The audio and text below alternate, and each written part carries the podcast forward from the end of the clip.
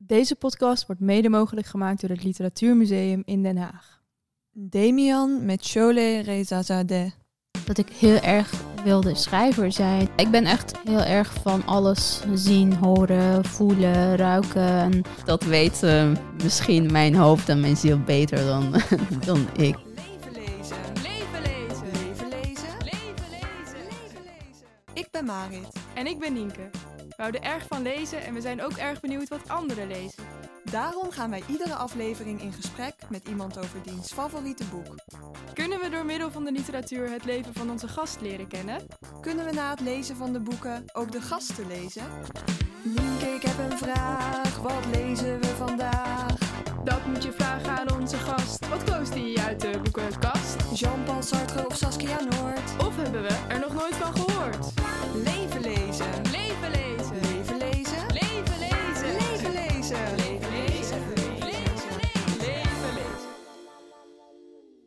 Een nieuwe aflevering met een nieuwe gast en een nieuw boek. Ja, deze keer met schrijver Chole Rezazadeh.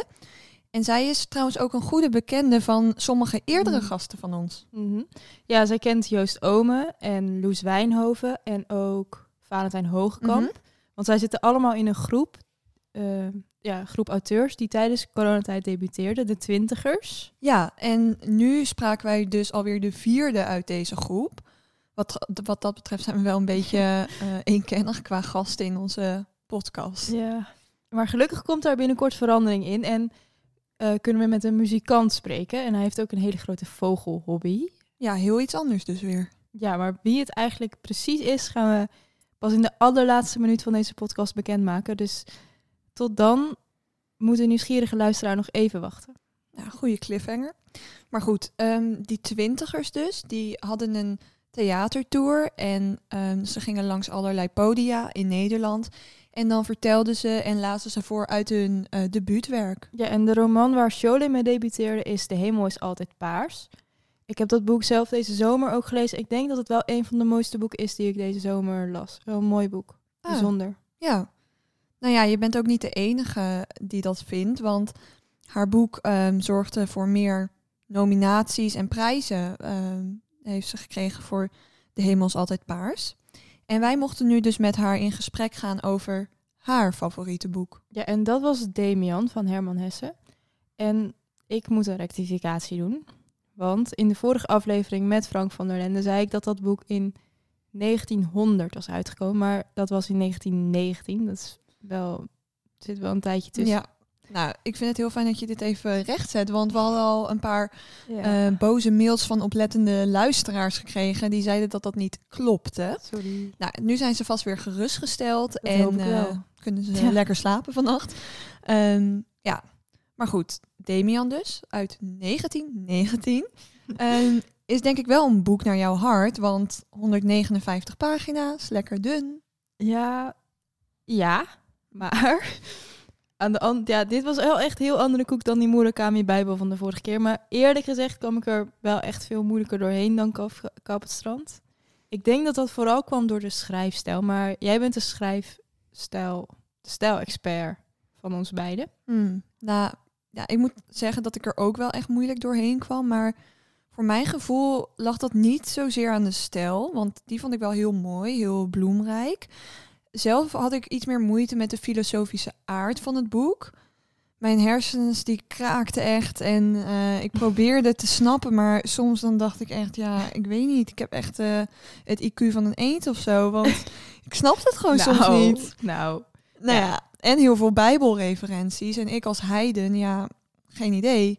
Dus, nou ja, ja, het was wel dat- meer dat filosofische en bijbelse. Maar voor jou dus meer de stijl of zo. Nou, dat, dat Bijbels was ook wel ingewikkeld. Want ehm, in het boek geeft Damian een nieuwe interpretatie van het verhaal van twee broers. Ja, Kain en Abel. Ja, heel goed dat jij als heide dat van mij eh, kan overnemen. Ehm, en dat was inderdaad ook wel ingewikkeld. Maar ik vond vooral aan de stijl heel vervelend dat er gebeurt heel veel in het boek. En het loopt echt als een trein. Sorry. Maar dan heeft die trein heeft ook af, die heeft ook wel echt heel vaak vertraging. Hele mooie metafoor. Ehm, je hebt volgens mij gewoon zo vaak vertraging dat je dit zelfs in je taalgebruik eh, gaat gebruiken. Ehm, deze keer waren we trouwens op tijd bij onze gast. Wat echt eh, een wonder is, want normaal hebben we altijd vertraging. Maar goed, even terug eh, naar Damian, het boek. Ehm, dat gaat over een jonge jongen, net als in Kafka op het strand. Maar ditmaal genaamd Sinclair. Eh, we volgen hem terwijl hij opgroeit en hij Damian ontmoet. Ja, maar voordat hij Damian ontmoet, is er nog een andere jongen in zijn leven. En dat is Frans Kreuger. Kroger. Frans Krogen. Kroger. En die pest en chanteert hem. Omdat hij iets weet over Sinclair dat hij tegen hem kan gebruiken. Ja. Ehm, maar dan komt... Ja, dan komt dus Damian als een soort ja, Superman de hoek om. En hij zorgt dan dat Sinclair eh, weer van al zijn zorgen is verlost. En dat Frans, de pestkop, hem eh, ja, niet meer lastig valt. Echt de held. Ja, hij is echt een held. Ja, Superman, zoals ik zei.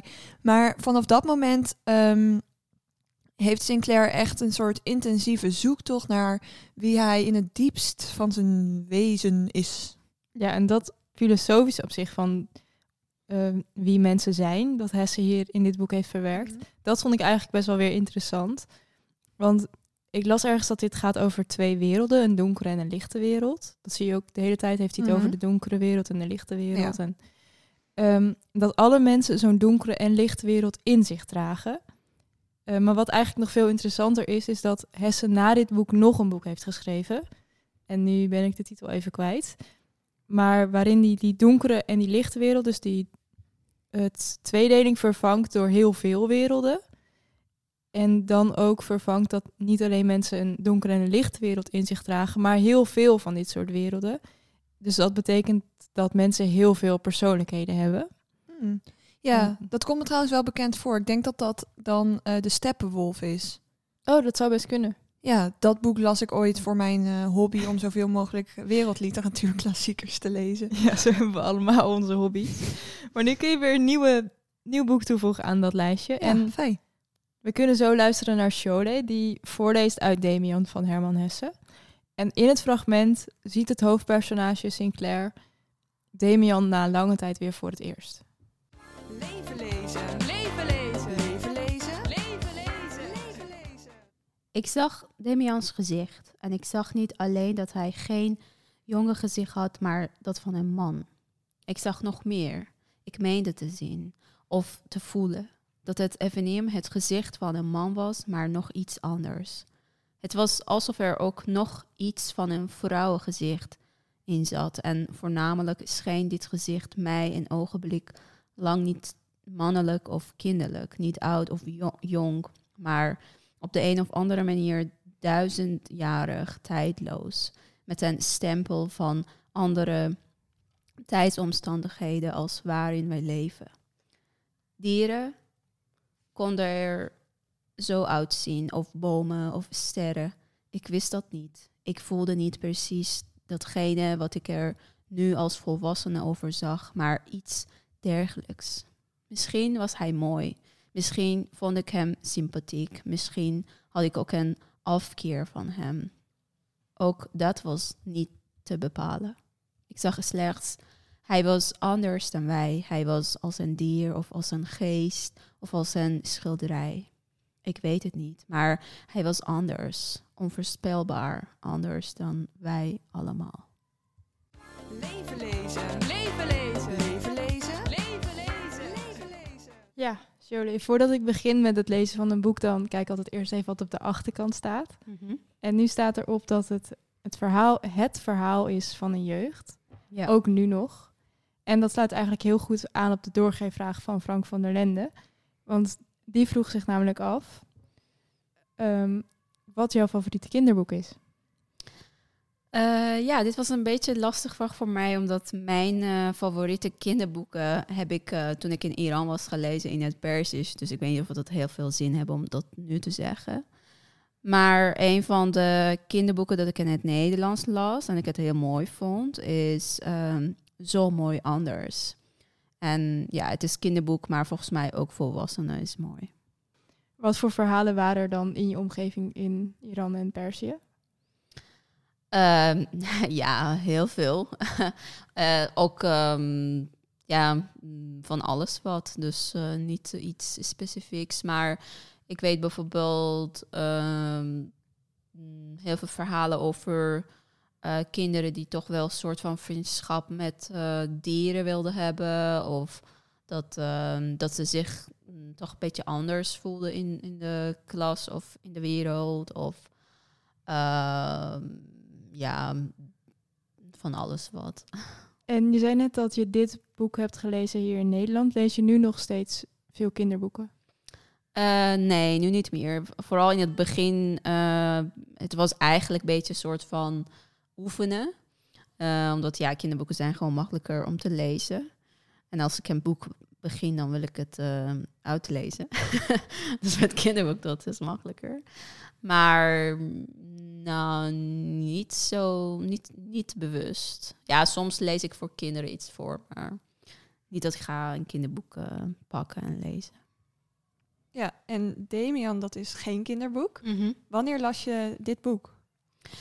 Eh, ik heb dit boek ehm, volgens mij toen ik tiener was gelezen. Eh, in het Persisch dus toen.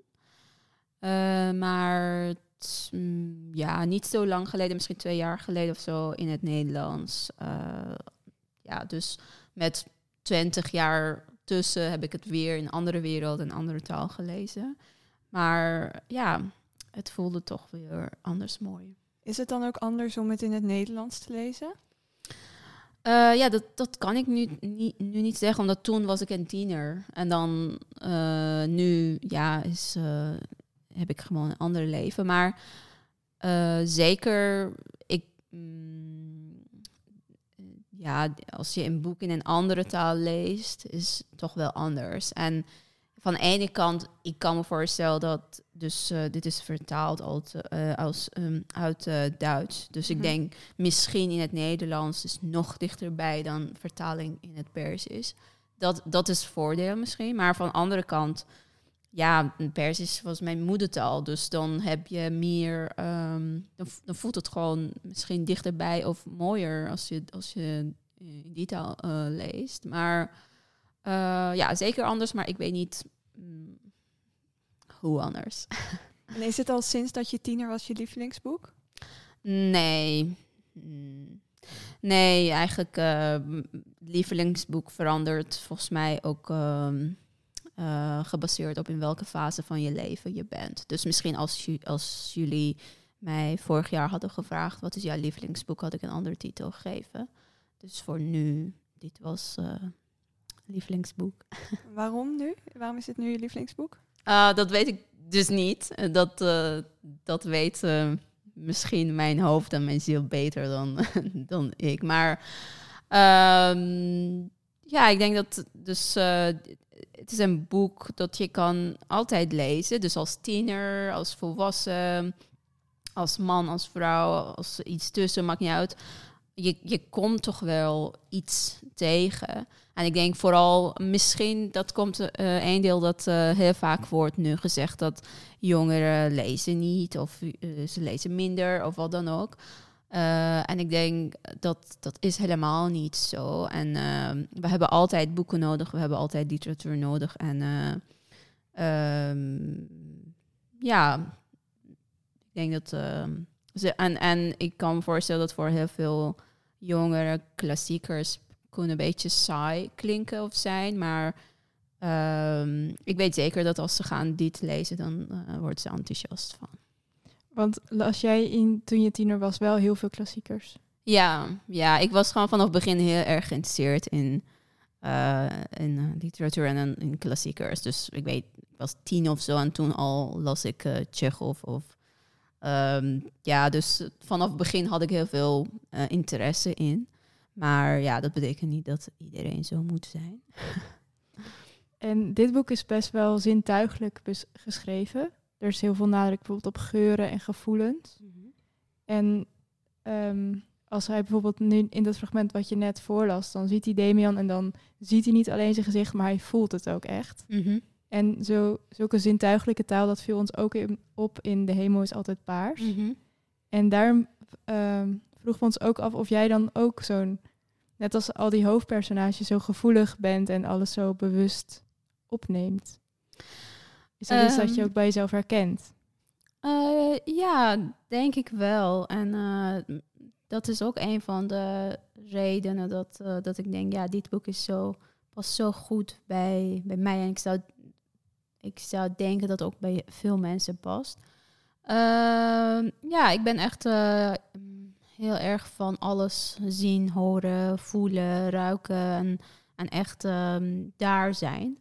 En, ehm, en dus als iemand ook zo is, dan word ik, eh, ja, dan voel ik me een beetje thuis bij iemand. Dus in dit boek bijvoorbeeld ook.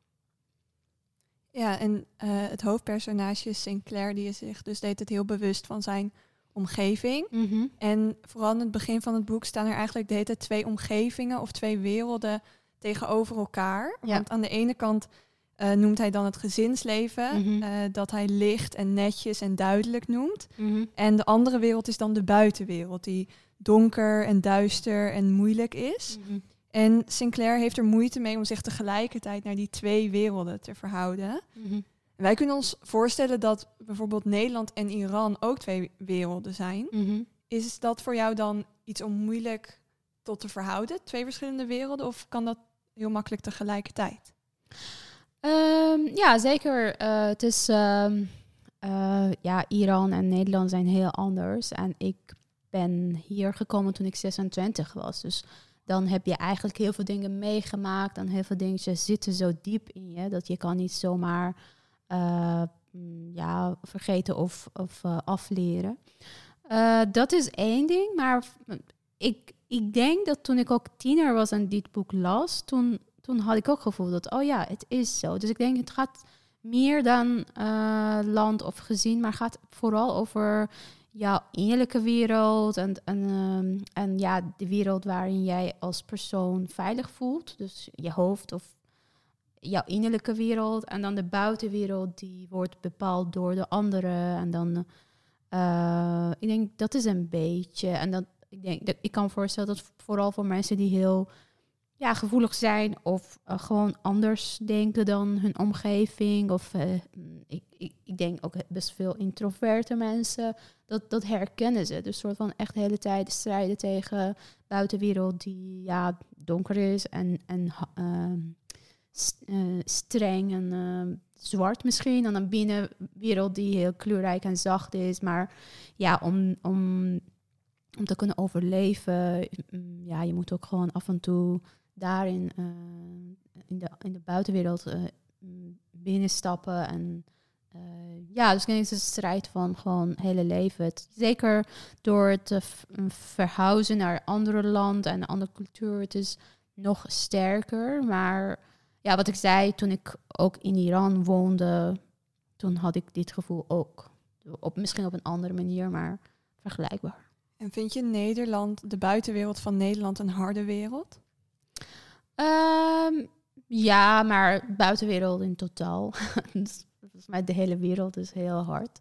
Maar ja, Nederland misschien nog mm, ook, ja, zeker. Als je kijkt dat hoe, ehm, hoe mensen met zichzelf bezig zijn en hoe weinig tijd is voor de anderen of voor jezelf ook. Of eh, dat hoe alles moet altijd perfect zijn en op tijd. En ehm, ja, en dan zo, zo weinig mogelijk emoties tonen of normaal doen. Of ja, al die dingen zijn zeker. ehm, eh, ja, ik weet niet of het zwart is, maar hard. Want elke keer als Sinclair in zo'n nieuwe wereld terechtkomt, Mhm. dus hij gaat bijvoorbeeld naar de kostschool, Mhm. dan verliest hij zichzelf een beetje en dan wordt hij net als al die andere leden in de groep. Ja. En ben jij dan ook iemand die snel in een nieuwe groep of wereld verandert? Eh, mm, ja, dat kan ik heel goed. Ehm, maar ik kan niet zo lang eh, dat blijven doen. Dus bijvoorbeeld als ik naar feest ga of als ik een nieuwe plek ga, heel vaak mensen denken, wauw, dit is zo een eh, extrovert, energieke iemand. Maar zo ben ik helemaal niet. Maar ik kan tenminste voor 1, 2, 3 uur echt eh, volhouden en echt, en echt eh, omgaan met de omgeving. Of ja, of eh, hier zeggen ook heel vaak mensen, oh, je bent echt, echt een Nederlander geworden. Maar ik zeg, ja, oké, dat, dat, ik, kan, ik kan vaak doen alsof. Maar ehm, uiteindelijk eh, ben ik ook heel bewust van wat ik, wat ik heel belangrijk vind en wat ik heel erg vast wil houden. Dus ehm, ja, van de ene kant wel, van de andere kant niet. Ja, en voor Sinclair, iemand in die eh, duistere buitenwereld is dan de pestkop eh, Frans Kromer. En die heeft Sinclair lange tijd in zijn macht. Ehm, en Sinclair weet dan niet echt hoe hij uit die situatie moet komen, waardoor eh, Frans Kromer hem dan chanteert eigenlijk. En heb jij wel eens gehad dat iemand eh, keuzes ook voor jou maakte waar je dan zelf niet echt meer een stem in leek te hebben? Eh, ja, zeker. En ik ik denk dat hebben we allemaal. Maar voor, voor mij een van de grootste dingen die, waarvoor ik, he- ik moest heel erg eh, vechten, was dat ik heel erg wilde schrijver zijn. Maar dat wordt de hele tijd gezien als iets, ehm, niet zo serieus, niet zo eh, verstandig. En dan kan ook erbij, of kan als hobby. Of, dus dat was voor mij de hele tijd een soort van strijd. Dat, nee, ik wil gewoon schrijver zijn. En, en dat, dat, dat is het enige ding dat ik wil in mijn leven doen. Eh, dus mm, ja, dus eh, bijvoorbeeld, eh, ik moest van, van mijn ouders, maar ook van mijn leraren en, van iedereen moest ik, ehm, omdat ik zo goed was in het leren, dan moest ik geneeskunde studeren, omdat dan daar zit geld in en dat is, dan heb je zo zeker leven. En het is zonde dat je gaat iets met literatuur doen die heel onzeker is. Ehm, ja, dus bijvoorbeeld dat is een van de grootste dingen. En ik, dus ik heb zeven jaar eh, geneeskunde gestudeerd en daar ook eh, een tijdje gewerkt als arts. In Iran was dit? Ja, maar ik wist ja, vanaf de eerste dag dat dit gaat niet zo lang duren. Dus ik wachtte op het goede moment in mijn leven dat, dat, eh, dat ik een zeg maar keerpunt zou hebben om toch te doen wat ik wilde doen. En wanneer kwam dat keerpunt dan?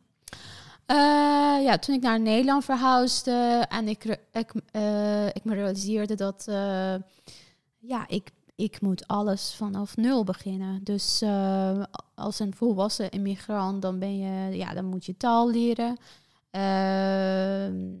Ehm, eh, je, je, kan niet zomaar beginnen met werk. Ook, ook met na zeven jaar studie, dan moest ik volgens mij tenminste vier jaar of zo weer heer studeren omdat het systeem helemaal anders is hier. En eh, ja, en dan je bent eh, je, mm, je netwerk kwijt, alles kwijt. Dus je moet sowieso teruggaan naar nul. En toen dacht ik, ja, dit is eigenlijk ook het allerbeste moment om mm, beginnen met eh, vanaf nieuw beginnen met iets dat ik wil. En ja, dat, dat, was, eh, dat was het moment eh, dat ik dacht, ik ga schrijven. Dus toen begon ik met het leren van de taal. Een beetje achterkomen dat hoe werkt het hier allemaal. En zo. Ben je toen meteen in het Nederlands beginnen te schrijven? Of ook in het Persisch? Eh, ja, in het begin was het echt een soort van ehm, combinatie. Dus mm, ja, het duurde nog even voordat ik eh, echt direct in het Nederlands zou schrijven. Maar in het begin, dus ik schreef in het eh, Persisch en dan vertaalde ik naar het Nederlands. En dan probeerde ik mm, dat het zo zijn dat het ook in het Nederlands mooi klinkt. Of niet als eh, Google Translate klinkt. Dus in het begin was het zo uitdagend. Maar ja, mm, ik schrijf ook nu vaak ook direct in het Nederlands, maar nog steeds ook in het. Dus het is ook een beetje afhankelijk van ja, thema of onderwerp of waarvoor ik schrijf. Ehm, dus het is de hele tijd ehm, combinatie. Maar, en ook als het een kort tekst is, eh, bijvoorbeeld poëzie, dan schrijf ik het gewoon in één keer in het Nederlands eh, en dan is het klaar. Maar, maar als het ehm, over langere teksten gaat, dan, dan ik wil eerst zo, zo snel mogelijk kwijt. Dat ik hoef niet de hele tijd nadenken. En dan dus ik schrijf in het Persisch, dat makkelijker is. En dan ga ik, ehm, eh, dan ga ik bedenken over de woorden en grammatica en of alles klopt. En was het ook moeilijk om vanuit eh, dat je eerst nog geneeskunde... Wilde je eerst hier nog geneeskunde studeren? Of had je heel direct al bedacht, ik wil meteen schrijven? Mm, nee, ik wilde nooit geneeskunde studeren. Leven lezen. Leven lezen. Leven lezen. Leven lezen. En En Damian die draagt het teken. En Mhm. volgens Damian zelf is dit een kenmerk die sommige mensen met zich meedragen Mhm. en die hen heel speciaal maakt. Mhm. Het is eigenlijk een soort bijzondere onderscheiding waar je trots op kunt zijn, maar buitenstaanders zien het vaak als het tegenovergestelde en die veroordelen mensen daar dan over. En ehm, omdat die bang zijn dat mensen met het teken, die zijn dan bang voor die mensen met het teken omdat ze anders zijn. Ja. En Damian merkt meteen dat Sinclair het teken ook draagt en dan merkt hij dat ze verbonden met elkaar zijn, omdat alle mensen met het teken verbonden met elkaar zijn. Mhm. En heb jij wel eens iemand ontmoet met wie je op zo'n bijzondere manier verbonden voelde? Eh, ja, ja, ik zou niet zeggen zoals dat mensen tekenen hebben, maar zeker er zijn mensen dat je ziet hem, hun en dan denk je ja, we, we hebben iets. Terwijl dat misschien heb je nog nooit met, eh, met die persoon echt eh, een relatie gehad of afgesproken of helemaal niks gedaan, maar, maar gewoon vanaf bijna het eerste moment voel je iets. Voel je die energie die klopt of, eh, of dan ja, die, die persoon zegt een paar zinnen en denk ik, ja, ja, dat. dus ja, zeker er zijn momenten. Het is niet veel, maar zeker ja, heb ik meegemaakt aan. eh, en ik denk eh, ook heel veel mensen dat meemaken. En op wat voor momenten heb je dat dan? Wat voor, moment, wat voor dingen zeggen mensen dan? Ja, we- soms e- echt heel, iets heel, heel kleins. Of dan, of dan zie je een soort van gedrag dat eh, voor heel veel mensen raar is. Of, maar die persoon doet het ook. En jij ook. En dan denk je, ja, ja. Dus eh, we snappen gewoon elkaar. Of, ah, oké, dus je bent ook niet bang om eh, gek te zijn. Of anders te doen. Of... ehm, ja, ik heb niet zo heel helder voorbeeld, maar ik denk dat zijn allemaal kleine dingetjes in hoe iemand zich eh, gedraagt of hoe, hoe iemand praat of zelfs wat ze doen of hoe ze het doen. Het zijn allemaal kleine dingetjes dat je ziet en je ziet een soort van als kleine sterretje en ik denk, oh ja, die. Dus ehm, en behalve dat Damian dus gaat over verbondenheid tussen verschillende mensen, gaat het ook heel erg over eh, een zoektocht naar jezelf. Want mhm. eh, Sinclair is de hele tijd op zoek eigenlijk naar wie hij in het diepst van zijn wezen is. ja. Is dat dan een vraag waar jij zelf ook eh, vaak mee bezig bent? Ehm, eerlijk gezegd niet zo erg dat wie ik ben of wat doe ik hier of zo. Maar f- en misschien heb ik geen vraag, maar ik ben de hele tijd bezig met ehm, mezelf niet eh, achterlaten of niet te verliezen of niet eh, vergeten. Misschien dat is een beetje. Dus ik ben de hele tijd echt bezig met, oh wat ik doe nu, is het in de richting van van mij? Of is het eh, in, de, in de richting van an- dat de wereld wil of de andere mensen willen? Dus daar ben ik heel de hele tijd bezig. Ook met schrijven, maar ook gewoon met alles. Dat, oké, past dit bij mij? Of eh, doe ik het soms onbewust omdat ik denk dat het gedaan moet worden? Heb je dan ook een bepaald doel waar je naar op weg bent? Eh, ja, voor, voor mij was eh, is mm, literatuur is echt iets dat heeft, ehm, heeft altijd met open armen mij ontvangen en heeft altijd een warme plek gegeven in de wereld. En eh, ik hoop dat, dat, dat ik eh, ook dat kan doen. Dus eh, ja, mijn, mijn doel, ja, doel klinkt een beetje niet zo mooi, maar ja, ik hoop dat ik kan ook een, een, een mooi huisje bouwen met literatuur, dat iedereen daar zich comfortabel voelt en wil binnenstappen en overblijven en dan, dan weer weggaan. Dus ja, dat is een beetje. De doorgeefvraag? De doorgeefvraag. En de volgende gast in onze podcast is muzikant Ruben Heijn. Mhm. Hij maakt dus muziek en hij heeft ook een documentaire gemaakt die heet The Sound, Sounds of the South. Mhm. Over zijn poolexpeditie naar het Arct- Antarctisch eiland. Ja. En we vroegen ons af of jij ook een vraag voor hem had. Ehm, ja, ik wil hem vragen eh, als hij met een ehm, schrijver, dood of levend, eh, en, eh, kan afspreken, met wie zou het zijn?